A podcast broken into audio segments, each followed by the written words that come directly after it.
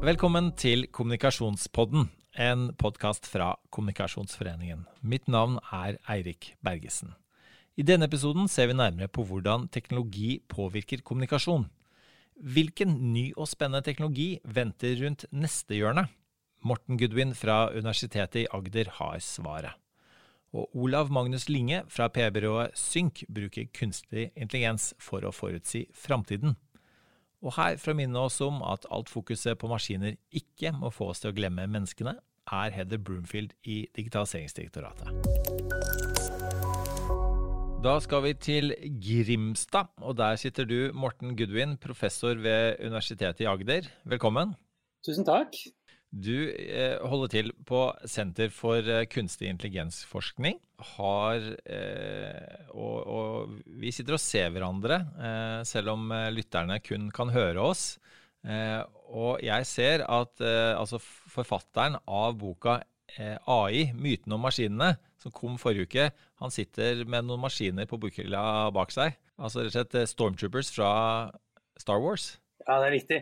Så jeg er jo en i tillegg til å være fan av kunstig intelligens, så er jeg jo fan av Star Wars-universet. Og har vært det helt siden jeg var bitte liten. I hvert fall disse originale filmene som handler om roboter, og handler om roboter som kan snakke og være litt intelligente. Og, så dette har vært en stor uh, inspirasjonskilde til meg hele livet. Og nå skriver du om myten om disse maskinene. Hva er den myten? Det er så, mange myter knyttet til kunstig intelligens. Og det er jo en Enten så presenteres kunstig intelligens i en sånn teknologioptimistisk scenario hvor alt sammen skal bli løst av kunstig intelligens, og vi får disse superintelligente robotene. Og på andre siden så presenteres kunstig intelligens som en dystopisk teknologi hvor vi må gi fra oss all data til amerikanske tech-giganter eller til Kina eller noe sånt. ikke sant? Og alt dette er myter. Er masse andre myter også. Jobber som forsvinner, superintelligens. Og jeg prøver da med den boken å bryte opp de mytene og fortelle om den virkelig fantastiske revolusjonerende teknologien kunstig intelligens, og hva den faktisk bruker til for alle, f.eks. For, for kommunikatører. Og hva er det eh, som eh, drukner i de populære eh, og, og, fortellingene rundt, eh, rundt, kunstig intelligens? Så Det er mye som drukner der. og Det, det er et sammensurium av den intelligensen vi har i dataprogrammene i dag, og den intelligensen som potensielt kanskje kommer, men som egentlig veldig få tror på, superintelligens. Så når man sitter og venter på superintelligens, som er den intelligensen som blir smartere enn oss mennesker, sånn som Terminator osv., så, videre, så er det litt som å vente på romvesenet fra en annen planet. Det kan hende det skjer, men vi ser jo ingen bevis for at det er i ferd med å, dukke opp i den nærmeste 5-10-15 år. i hvert fall. Et eksempel. Et annet eksempel er jo mange av de som sitter og er redd for at jobben sin skal forsvinne, sånn som en kommunikatør. Å eh, holde samtaler, som vi har snakket om eh, før, er jo noe kunstig intelligens faktisk er ganske dårlig på. Skrive en tekst, f.eks. Vi klarer lite men liksom den store teksten, den store røde linjen i et langt teaterstykke, sånne ting klarer ikke kunstig intelligens i dag. Selv om de er blitt bedre, da. Så, okay, så det du sier er at én, kunstig intelligens er ikke så intelligent enda, og to eh, kommunikasjonsfolk trenger ikke være altfor redde for at jobbene forsvinner. Ja, én, kunstig intelligens er veldig god på noen ting. Veldig, veldig, veldig bra. da. Sånn som å se bilder, spille spill, men også skrive litt tekster osv. Men så er den veldig, veldig dårlig på andre ting. Sånn som f.eks. ironi. Vi klarer ikke det gang å skjønne ironi i det hele tatt. Så det finnes noen tester på internett hvor man kan laste opp kunstig intelligens-algoritmene sine. Og de klarer å oppdage sånne ironiske setninger i bitte, bitte litt mer enn en, eh, en som driver og kaster mynt, altså tilfeldig. Så det er sånn helt, helt på sped begynnelsen i, i, de tingene som er veldig menneskelige for oss, da. Ja, Som andre ord, så, så eh, maskiner er dårlige på å være menneskelige, og det menneskelige er fortsatt veldig viktig i samfunnet? Menneskelige er veldig viktig, eh, absolutt. Og selv om vi har, har, mye mer teknologi nå enn vi har hatt eh, noensinne, og spesielt pga pandemien hvor vi sitter og ser hverandre gjennom en skjerm istedenfor ansikt til ansikt, så er jo, er jo det noe menneskelig. ikke sant? Så det, det, ville ikke vært det samme hvis du hadde vært en kunstig intelligens, en robot, som dere intervjua meg. Jeg hadde merka det i løpet av de første ti sekundene, egentlig. Mm. Mm. Jeg skjønner da at du er et ekte menneske, du er ikke en robot som står der selv om du kan være litt robotaktig i bevegelsene din av og til. Og kanskje fordi at min utstrakte bruk av eh, ironi eh... Idet roboten begynner å drive med ironi, og det som er ironi i Siri f.eks., det er jo programmert av mennesker. Så når den vitser og kommer med morsomheter, så er det jo noen hos Apple som har sittet og tenkt på det på bakrommet. Hva er det som er lurt å si? Og sånn så den, En av de veldig kjente robotene som ofte er i media, Sofia, har kommet med vitser hele tiden. Og Det er jo eh, en veldig uglesett teknologi i kunstig intelligensmiljøet, fordi vi vet at det aller aller, aller meste av den roboten er fake. Selv om den har fått statsborgerskap i Saudi-Arabia. Men Morten, eh, vi, altså, eh, kommunikasjon er, som fag er jo måten mennesker snakker sammen på.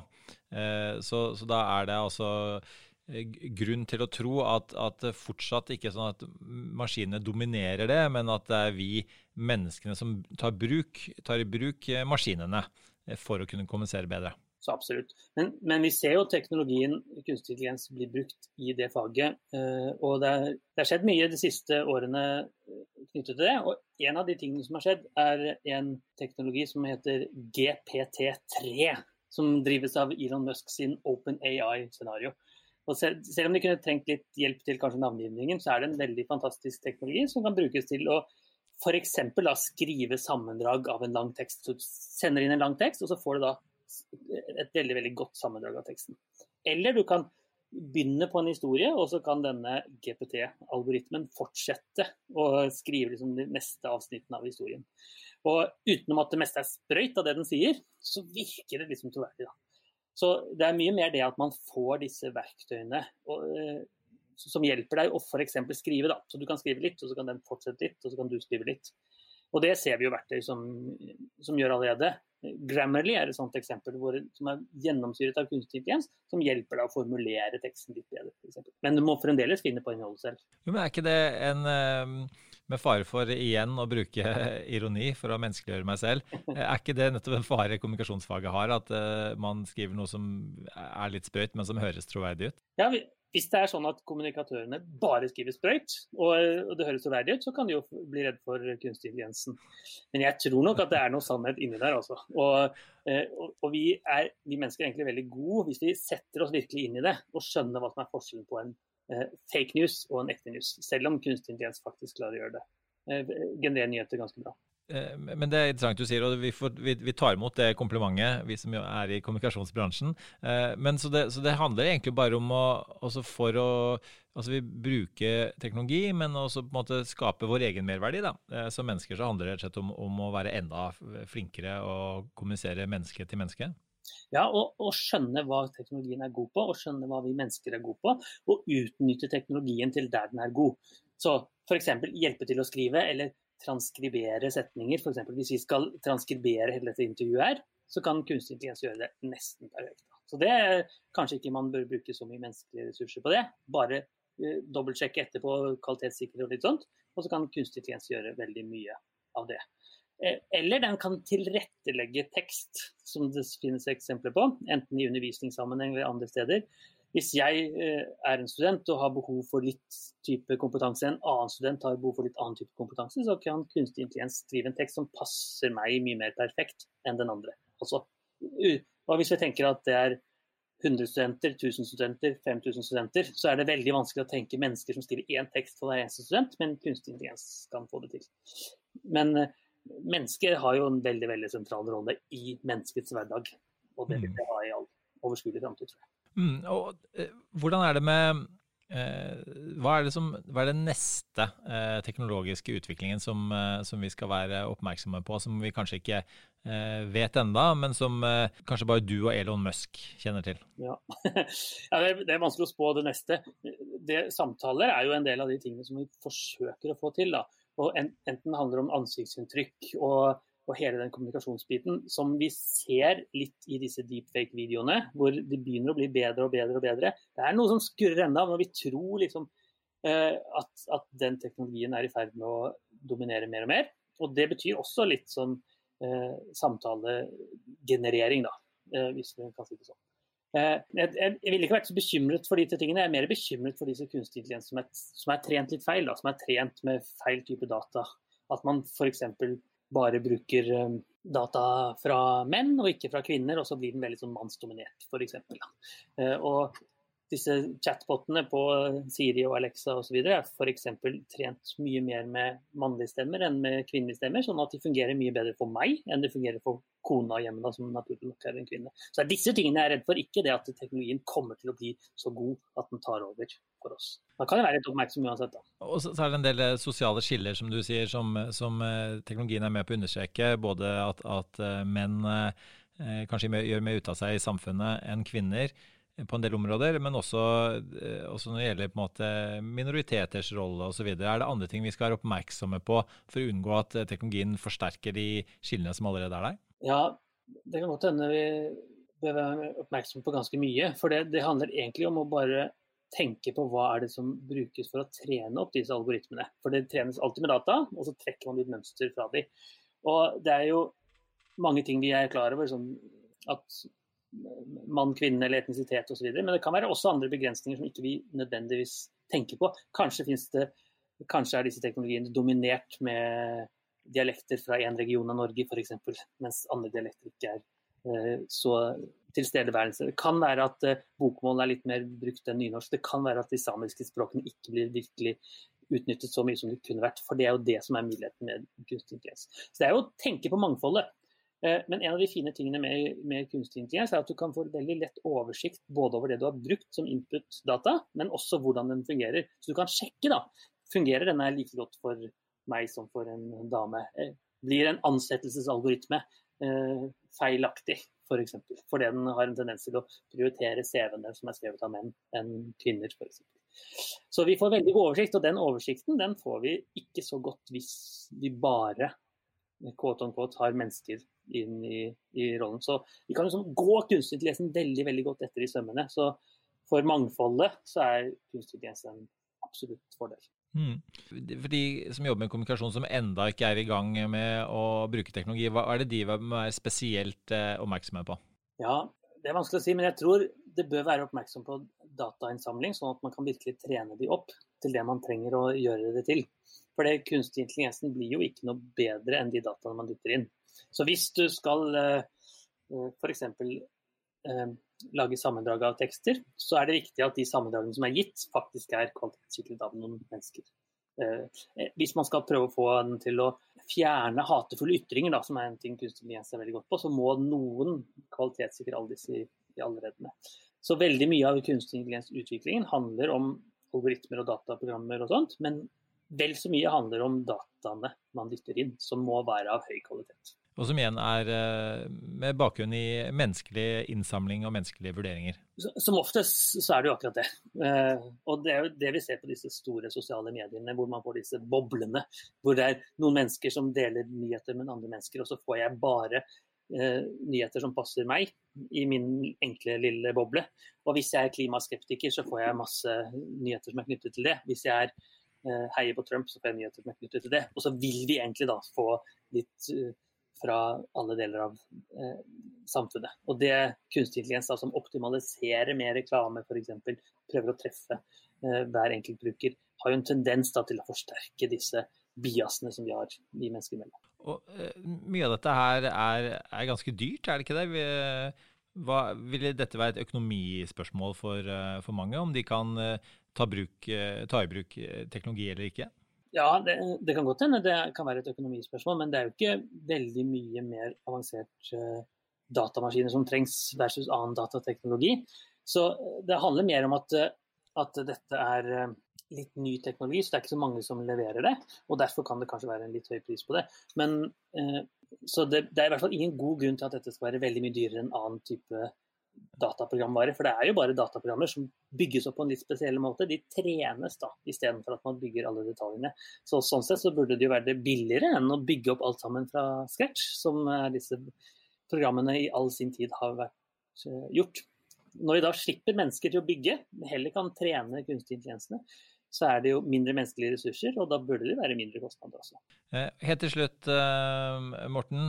Hvis eh, vi hadde matet dette intervjuet inn i en maskin og latt maskinen avslutte samtalen vår, hvordan ville det ha sett ut? Ja, Spennende spørsmål. og noe, noe, av det, akkurat det samme har vi gjort en gang med en NRK-journalist. som Vi matet alle de samtalene hun hadde hatt på Facebook. Og det som var tendensen, da, det var jo at hun, selv om hun var en seriøs nyhetsjournalist eh, nå, så i, i mesteparten av tiden sin så har hun vært ungdom og snakket om gutter og festing og den type ting. da. Så den roboten den ble jo veldig sånn derre Ja, la oss dra på party, osv. så så det kan du lese mer om i kapittel tre i boka mi. akkurat den der. Så jeg tror, jeg tror den kunstige intelligensen ville kanskje plukket opp at det er to eh, middelaldrende Star Wars-fans som snakker med hverandre. Ja. Og den ene selger boka si, den andre selger uh, podkasten sin. Kanskje det. Kjempefint. Uh, tusen takk for at du var med, uh, Morten. Hjertelig takk. Straks får du høre hva kunstig intelligens kan fortelle oss om framtiden, men først dette. Annerledesåret 2020 har gitt oss færre frokostmøter og minglearenaer, men fortsatt behov for faglig påfyll. Neste uke arrangerer Kommunikasjonsforeningen et digitalt fagseminar for Kommunikasjons-Norge. Fra tirsdag til torsdag kan du få med deg interessante foredrag om internkommunikasjon, mangfold og fremtidens jobbhverdag. Les mer om foredragsholderne og meld deg på på våre nettsider kommunikasjon.no. Håper du blir med. Velkommen inn i studio, Olav Magnus Linge. Tusen takk. Du er seniorrådgiver i Synk, PR-byrået.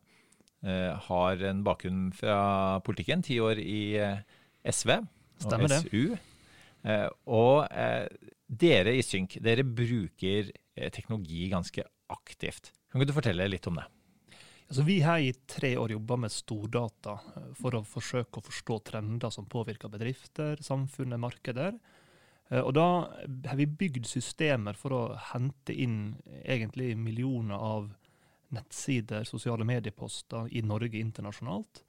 Og så språklæringsverktøy, algoritmer egentlig, eh, for å forstå innholdet i det. Kunne si noe meningsfylt om hva er det som egentlig er i trenden i tiden i et marked, eller i samfunnsdebatten for øvrig. Og det er stadig viktigere for å kunne forstå de raske skiftene vi ser i, i, den internasjonale og nasjonale debatten.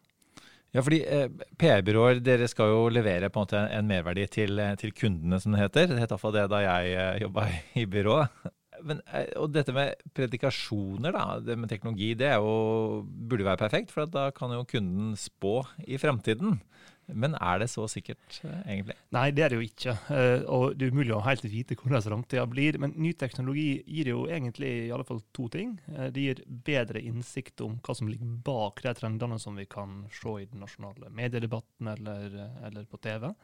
Og så gir det en mulighet til å kunne oppdage nye ting før de blir veldig store. Du kan si når du henter inn data fra vi er 40 millioner norske websider og, flere hundre millioner engelskspråklige, så, så, dukker det opp hele tida nye ting som ikke vi hadde på radaren fra før av. Ting som er kanskje små og ubetydelige i dag og i morgen, men som kan bli veldig store og viktige i, i tida som kommer. Og så gir det dybde, for du kan gå forbi det åpenbare at klimaengasjementet er stort, til å se hva er det som kvalitativt skifter. Når det, det begynner å bli mer frykt og uro. Man kan gå på tillit til uh, aktører som er i debatten gi en mer, et tjukkere lag med data, ganske enkelt, som kan si noe mer eh, strategisk viktig enn en bare hva er det som er trenden i tiden akkurat nå. Ikke sant? Så, så, det det handler om, er at man rett og slett får eh, større, eh, bedre, dypere og mer detaljert oversikt over hva som har skjedd, hva som er i ferd med å skje, og dermed kunne si noe mer om hva som kommer til å skje.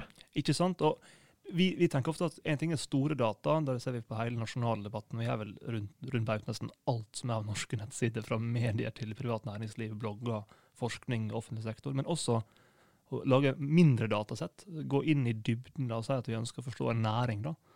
Så kan vi laste inn alle mulige finansielle papirer og, og årsrapporter, statements og bruke maskinlæring på språk til å forstå hvordan er denne sektoren på vei. Hva ting satser de på nå, hva teknologier de er opptatt av, hva type temaer de er interessert i å, å, gå inn i. Og Det kan gi ganske stor verdi for forretningsstrategi og for, for så vidt også myndighetskontakt og andre typer eh, spørsmål. Kan ikke du forklare litt mer om måte, helt konkret hvilke verktøy er det dere har, som, og, og, hvordan er det konkret det, dere bruker det? Så Vi har egentlig et system som heter Sentiment, som gjør to ting. Det henter inn data eh, fra disse åpne kildene, som jo er tilgjengelige for alle, egentlig, i den norske og internasjonale verdensevnen. Den crawler nettet og henter inn hver dag. Og så bruker vi eh, språklæringsalgoritmer. Eh, de vi bruker, er utvikla av Google. åpne API-er som eh, alle kan for så vidt ta, ta, i bruk. Men vi har retrent det til å forstå norsk. Eh, sammen med Enin, et, et, eh, analysemiljø som jobber med dette i, i finansverdenen. Så vi bruker algoritmer som kan forstå holdning. Hva er positivt, hva er negativt i en setning. Kan forstå tillit og mistillit. Eh, hva tillit har vi egentlig til kommunikasjonsforeninger og, og ikke. Kan trenes til å forstå dybden i en, en kompleks debatt som oljedebatten vi har trent til å forstå ulike posisjoner mellom steng ned, steng litt ned, eh, hold på som før, vær noen områder. Den kan trenes til å, til å, forstå en rekke ulike aspekter ved en diskusjon. og Det gir den en fleksibilitet og en presisjon som er ganske utrolig, egentlig, og som bare var, for noen få år siden var, var helt umulig. Eh, hva, hva, er det som eh, er vanskelig med, med teknologi? Altså, hvor, er det, hvor er det, hvilke utfordringer er det det og samtidig reiser? mange ting er vanskelig med, med ny teknologi. Stordata spesielt er jo vrient fordi datagrunnlaget alltid er bevegelse. Du, du, skyter på et mål som rører på seg, så du må hele tida hente inn nye data, sjekke at kildene dine er riktige og fornuftige, og at du ikke går glipp av noe nytt som dukker opp. Det er én type problemstilling. Transparens er en annen utfordring. Vi har jo nå bygd vårt eget system for å kunne være helt åpne om hva vi gjør, hva algoritmer vi bruker, hvordan de fungerer. Det er tilgjengelig for enhver som ønsker å lese mer om det. Det er viktig, for det er ikke annet, hvis vi ender med en sort boks som kommer med et tall uten å forklare metodikken bak, så er det, er det vanskeligere å, å, å, forholde seg til. Og så er det jo ingen tvil om at den teknologien her er i rivende utvikling. Det vi hadde som, som, mest moderne for to år siden, er jo egentlig på vei ut allerede. Så det krever en, en vilje og evne til å følge med, investere, oppdatere, kontinuerlig utvikle, eller så ender du med å bli bak utviklinga veldig, veldig fort. Men er dette noe som kommunikasjonsarbeidere, kommunikatører, er, er godt egnet eh, til å jobbe med? Jeg tror det er to ting som er klare fordeler for, for kommunikasjonsfag. Det ene er at språkdata eh, er så tilgjengelig som det, som det er. Altså åpne nettsider. Eh, tilgjengeligheten av tekst både i Norge og internasjonalt er så stor, så det er mulig å jobbe med, med kommunikasjonsrelaterte problemstillinger ut fra det datasettet man har. Det andre er jo at algoritmene for språklæring da, er, er i, i, så voldsom endring. Så det, på begge sider så har vi ting som er nært kommunikasjonsfaget, som nå for første gang kanskje uh, utvikler seg, som gjør det mulig for vårt fag å, å kunne bruke teknologien på, på, en effektiv måte. Som støtter enten til å forstå holdninger, eller utvikle budskap, eller, eller lage strategi for hvordan man skal bevege seg. Så det passer godt inn med tradisjonell uh, kommunikasjonsfag, altså? Ja, og så er det noe med at du, du, trenger jo, selv om du har veldig god teknologi, så trenger du en menneskelig intuisjon og forståelse for å kunne tolke data. Og for å kunne forstå om du samler inn riktige data, og for å forstå, forstå om algoritmene du bruker er relevante til de tingene du ønsker å, å, gå i dybden på. Fordi det er jo mulig å få veldig harde og, og, og sterke data, men som likevel blir helt feil. Hvis du ikke har en, en kontekstforståelse som vi mennesker fortsatt er, er overlegne på når det gjelder og, ting som så komplisert som en samfunnsdebatt. Så det kommer ikke til å utfase kommunikasjonsrådgiverne i synk med det samme? Nei, men det vil nok endre måten vi jobber på.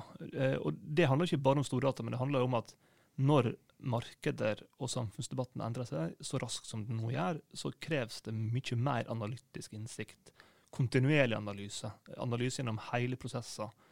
Og Der er jo teknologi med på å muliggjøre det på en helt annen måte enn før. Så vi må nok jobbe på litt andre måter. Det egentlig skjer. Men jeg tror det handler veldig mye om, om, om å bruke analyseverktøy og analytisk innsikt eh, mer gjennomgående i prosesser. Eh, ikke bare noe vi gjør før vi begynner på en strategi, eller før vi gjør et utspill, eller før vi gjør en, en, en tiltaksplan. Da. Men eh, I hvilken grad uh, føler dere at kundene uh, har den samme forståelsen av teknologiens mange muligheter som dere etter hvert har fått? det er utrolig stor interesse eh, for den teknologien. Eh, vi jobber med veldig mange ulike virksomheter med de løsningene vi har, og med ting som er relaterte til, til dem. Eh, mange store virksomheter gjør noe ting sjøl på, på stor datamaskinlæring. Opptatt av å forstå sine markeder bedre og bruke teknologien til det. Og ikke minst de som jobber med kommunikasjonsfaget, ser jo at, at det å forstå denne teknologien her blir avgjørende for å, kunne ha, for å kunne gi råd som er gode nok og relevante nok, og ikke minst eh, bli forstått, altså kunne forstå hva verdi kommunikasjon kan, kan tilføre, basert på de dataene man nå har. Hva vil du si er, Hvilke type firmaer eh, eller bransjer er det som eh, bruker eh, disse verktøyene mest? Jeg tror det er mange som bruker dem, eh, og vi jobber jo med flere. Det som, er, det som er særlig utsatt for raske endringer i samfunnsdebatten, og er opptatt av at markedene sine er i endring, de er jo spesielt interessert typisk i å få verktøy som gir dem muligheten til å være litt foran og, og forstå trender som er i ferd med å vokse, ikke bare de som er velkjente og veletablerte i, i nasjonale medier. Så de som opplever at, at uh, bildet endrer seg, de er nok kanskje spesielt langt framme i skoa og tar i bruk ny teknologi for å kunne få en potensiell fordel i, i, sine strategier. Og, og hvilke bransjer er det? Altså, I Norge så er det det mange ulike bransjer, men vi har jo store eh, energibransjer, industrien, eh, maritim marin industri som ser på eh, endringer i, i verdensmarkedet, som, som, alle sammen er interessert i dette. Og, og, det er jo de som kanskje er særlig opptatt av ja, klima, eh, miljøproblemstillinger som, som, påvirker rammevilkår og eh, offentlige sentimenter. Typisk ting som vi gjør ganske mye av analyser rundt i bærekraft, klima, eh, økonomisk omstilling. Det, det triangelet der, der ser vi at det er mange som er både opptatt av å forstå hva som faktisk skjer, og hva som driver endring. Og Der er jo kanskje Stordata et, et verktøy som gir en, en, en mer dyptgående innsikt. Da. Og er, det lov å spørre også om uh, hvilke bransjer som ikke er så flinke til å, til å, bruke teknologi, og som kanskje burde være det, og som kanskje til og med er et lite sånn rop om flere kunder til, til Synk og andre lignende byråer? Nei, jeg vil si at en ting jeg trodde vi kom til å oppleve, at offentlig sektor hang etter, men det er ikke riktig. Eh, altså, jeg var helt sikker på at det kom til å bli tungt å få offentlig sektor med på å, å tenke i den retning. Tvert om. Eh, der er det stor interesse og, og, og, veldig sterk vilje til å bruke metoder som både gir mer innsikt, og kanskje til og med effektivisere analysearbeid. Gjør det eh, bedre for en, for en, mer kostnadseffektiv eh, ressursbruk. Da. Og, og, hvis du helt til slutt nå skal på en måte lage en uh, menneskelig algoritme og spå hvor uh, viktig teknologi blir for kommunikasjon fremover, hva vil du si? Jeg tror det blir åpenbart veldig viktig, men, men, jeg tror at det skiftet som kom i 2018, når, når algoritmene slo mennesker i språkforståelse, det er ikke helt forstått av faget vårt. Eh, fordi det knekkpunktet det er vi nå forbi. Nå er vi der at vi har systemer som er like intelligente som oss i språkforståelse det blir nok et skifte vi merker veldig tungt til neste år, tror jeg. Tusen takk for at du kom inn i studio, Olav Magnus Linge i Synk. Tusen takk. I would like to welcome uh, Heather Broomfield. You are a researcher and uh, also a bureaucrat in Digitaliseringsdirektoratet. Welcome. Thank you very much for having me. Uh, and you are placed in uh, Leikanger. Yes, Lycanger. There aren't very many Irish people based in Lycanger. Um, but I'm glad to report there's one. and there, perhaps not that many uh, scientists uh, working on uh, artificial intelligence in the public sector either. Uh, not too many, but we're getting there. There's quite a few more people uh, getting on board with artificial intelligence in the public sector. And the reason that you're there, though, is that uh, DeFi and Altin they um, merged and became Digitaliseringsdirektoratet. Uh, so you're doing your PhD as a part of, of, of your work, and and it's on uh, it's called Government by Algorithm: Protecting Democratic Values. Uh, in the deployment of artificial intelligence by the public sector. Uh, so, is this a good thing or a bad thing? Uh, artificial intelligence in the government. I think it's I, I, I think it's both or it can be both. And our job now is to make sure it's a good thing. And that's that's what a lot of what my research is about. How do we get the balance here? How do we make sure that this is a good thing for the Norwegian society? Because there's so many opportunities here.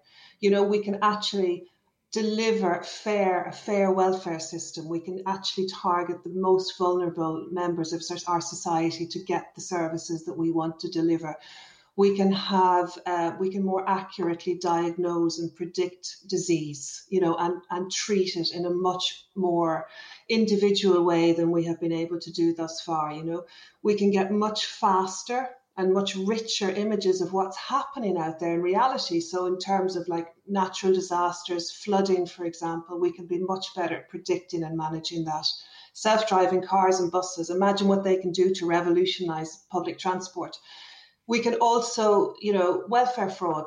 That's a problem for nearly every public sector in the world, you know, and we can we can be better at doing that about targeting that as well. And think, I mean, you know, children, what we can do to help children who maybe are in abusive situations, who need follow up, who have you know certain challenges and they need more um, individualized education. And artificial intelligence can all help with this. But at the same time there's challenges right? There you know so mm. many of the examples even that i brought up there you can already see societal problems you know. We have to predict we have to profile we have to get down to a personal level so it's those challenges that we need to consider so that we can get the benefits here and, and the question then as well is how far in the public sector should we go with this, right? Mm. There's so many grey areas here. So it's about trying to grasp those questions now and those problems now rather than being coming at them afterwards, which mm. some countries now are experiencing. And are some of the disadvantages, are they, um, uh, do they derive from the fact that we are humans uh, programming this in, in artificial intelligence? Yeah, that's a lot of it, right? Because we tend to blame the technology. It's not the technology. The technology has neither positive nor negative. They're very neutral. It's neutral, obviously, but it's how we feed that technology. It's how we feed artificial intelligence, and it's what we feed it with. So we have to be very careful in, in what we are feeding it with. And it's also a question, even for the public sector, who is feeding it? right? So is it the public sector feeding it? How when can we bring the private sector in to help us feed artificial intelligence, and when should we not bring it in? So there's so many of those kind of questions. Hmm. And I suppose if we look at some, you know, we can see some in some other countries where they have had challenges here and problems here. So, as for example, in the Netherlands, they have um, uh, there's been a court case where they've been found that the state has um, gone against fundamental human rights because they have predicted welfare fraud um, and they have predicted individuals there. So they found to go against human rights. Um, I mean, there's a very famous, the famous example of predictive policing in the America, for example.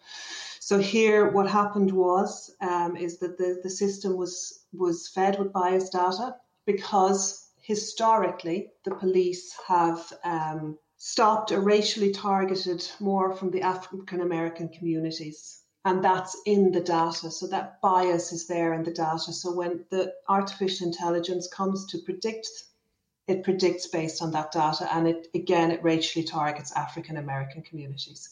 So, so there's a lot of issues here that, that need to be considered. And we learn from other countries as well. And we also have to, instead of kind of thinking, gotcha situations, we have to actually work with the situation and, and try and help the situation. And that's why research is so important in here that we are working with the public sector to try to avoid these situations.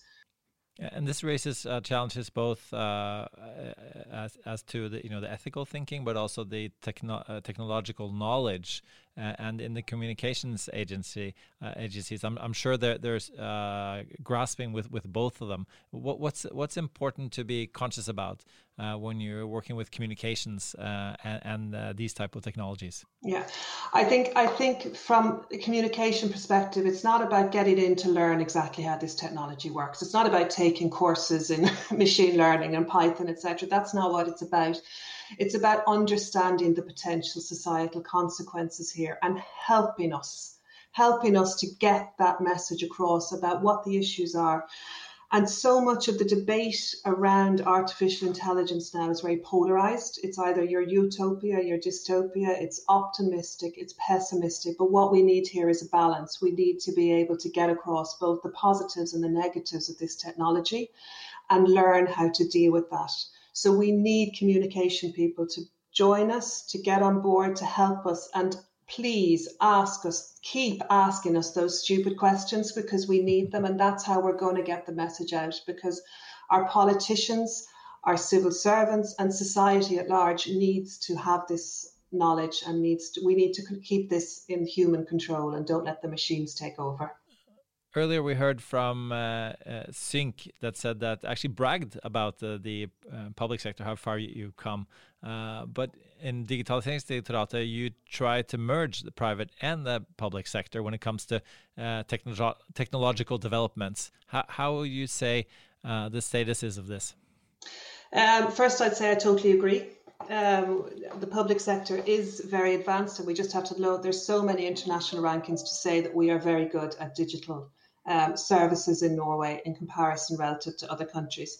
And you're very right, we work actually very hard now as well to have much more public private partnership and public private cooperation um, between the public and private sector now so that we, uh, on a digital level, so that we can get the benefits from the public sector. They're more innovative, they're often quicker, so they and work with that. But also there's there's also very often a line there too. Sometimes we can't work with the public sector or private sector, sorry. Sometimes we shouldn't. Sometimes this has to be in the hands of the public sector. And that comes back to democracy and the democratic values and our role, our accountability and our transparency role there, the role that we play in society. So but I do think we're making great progress in that public-private partnership, and it's it's one of the key areas for um, uh, digitalization directorate now at the moment in Norway, we have a digitalization and district minister. Is that a good idea? I think it's a very good idea. You know, I'm sitting here in Leikanger, beautiful, looking out at the fjords from my, my home office at the moment, and, and very, very grateful that we have a district and digitalization minister. I'm very grateful that I have 100 colleagues here who, uh, you know, highly competent colleagues here in Leikanger who I get to work with every single day. And just five minutes to work. I mean, you know, doesn't get better than this. And we're we're we're very glad to have an uh, Irishman or an Irish woman uh, with us uh, on uh, on our show today, and uh, that you were in Norway working on these issues uh, for our benefit. Thank you so much, Heather Broomfield. And thank you so much for having me. Takk også til deg som hører på. Hør gjerne en av de ti forrige episodene våre om alt fra bærekraft til politisk retorikk og krisekommunikasjon. Mitt navn er Erik Bergesen. I redaksjonen har jeg med meg Malin Sundby Revå, Anders Ringen og redaktør Mari Mellum. Podkasten er laget med støtte fra Fritt Ord. Vi høres igjen neste gang. Du har hørt en podkast fra Kommunikasjonsforeningen. Les mer om oss på kommunikasjon.no.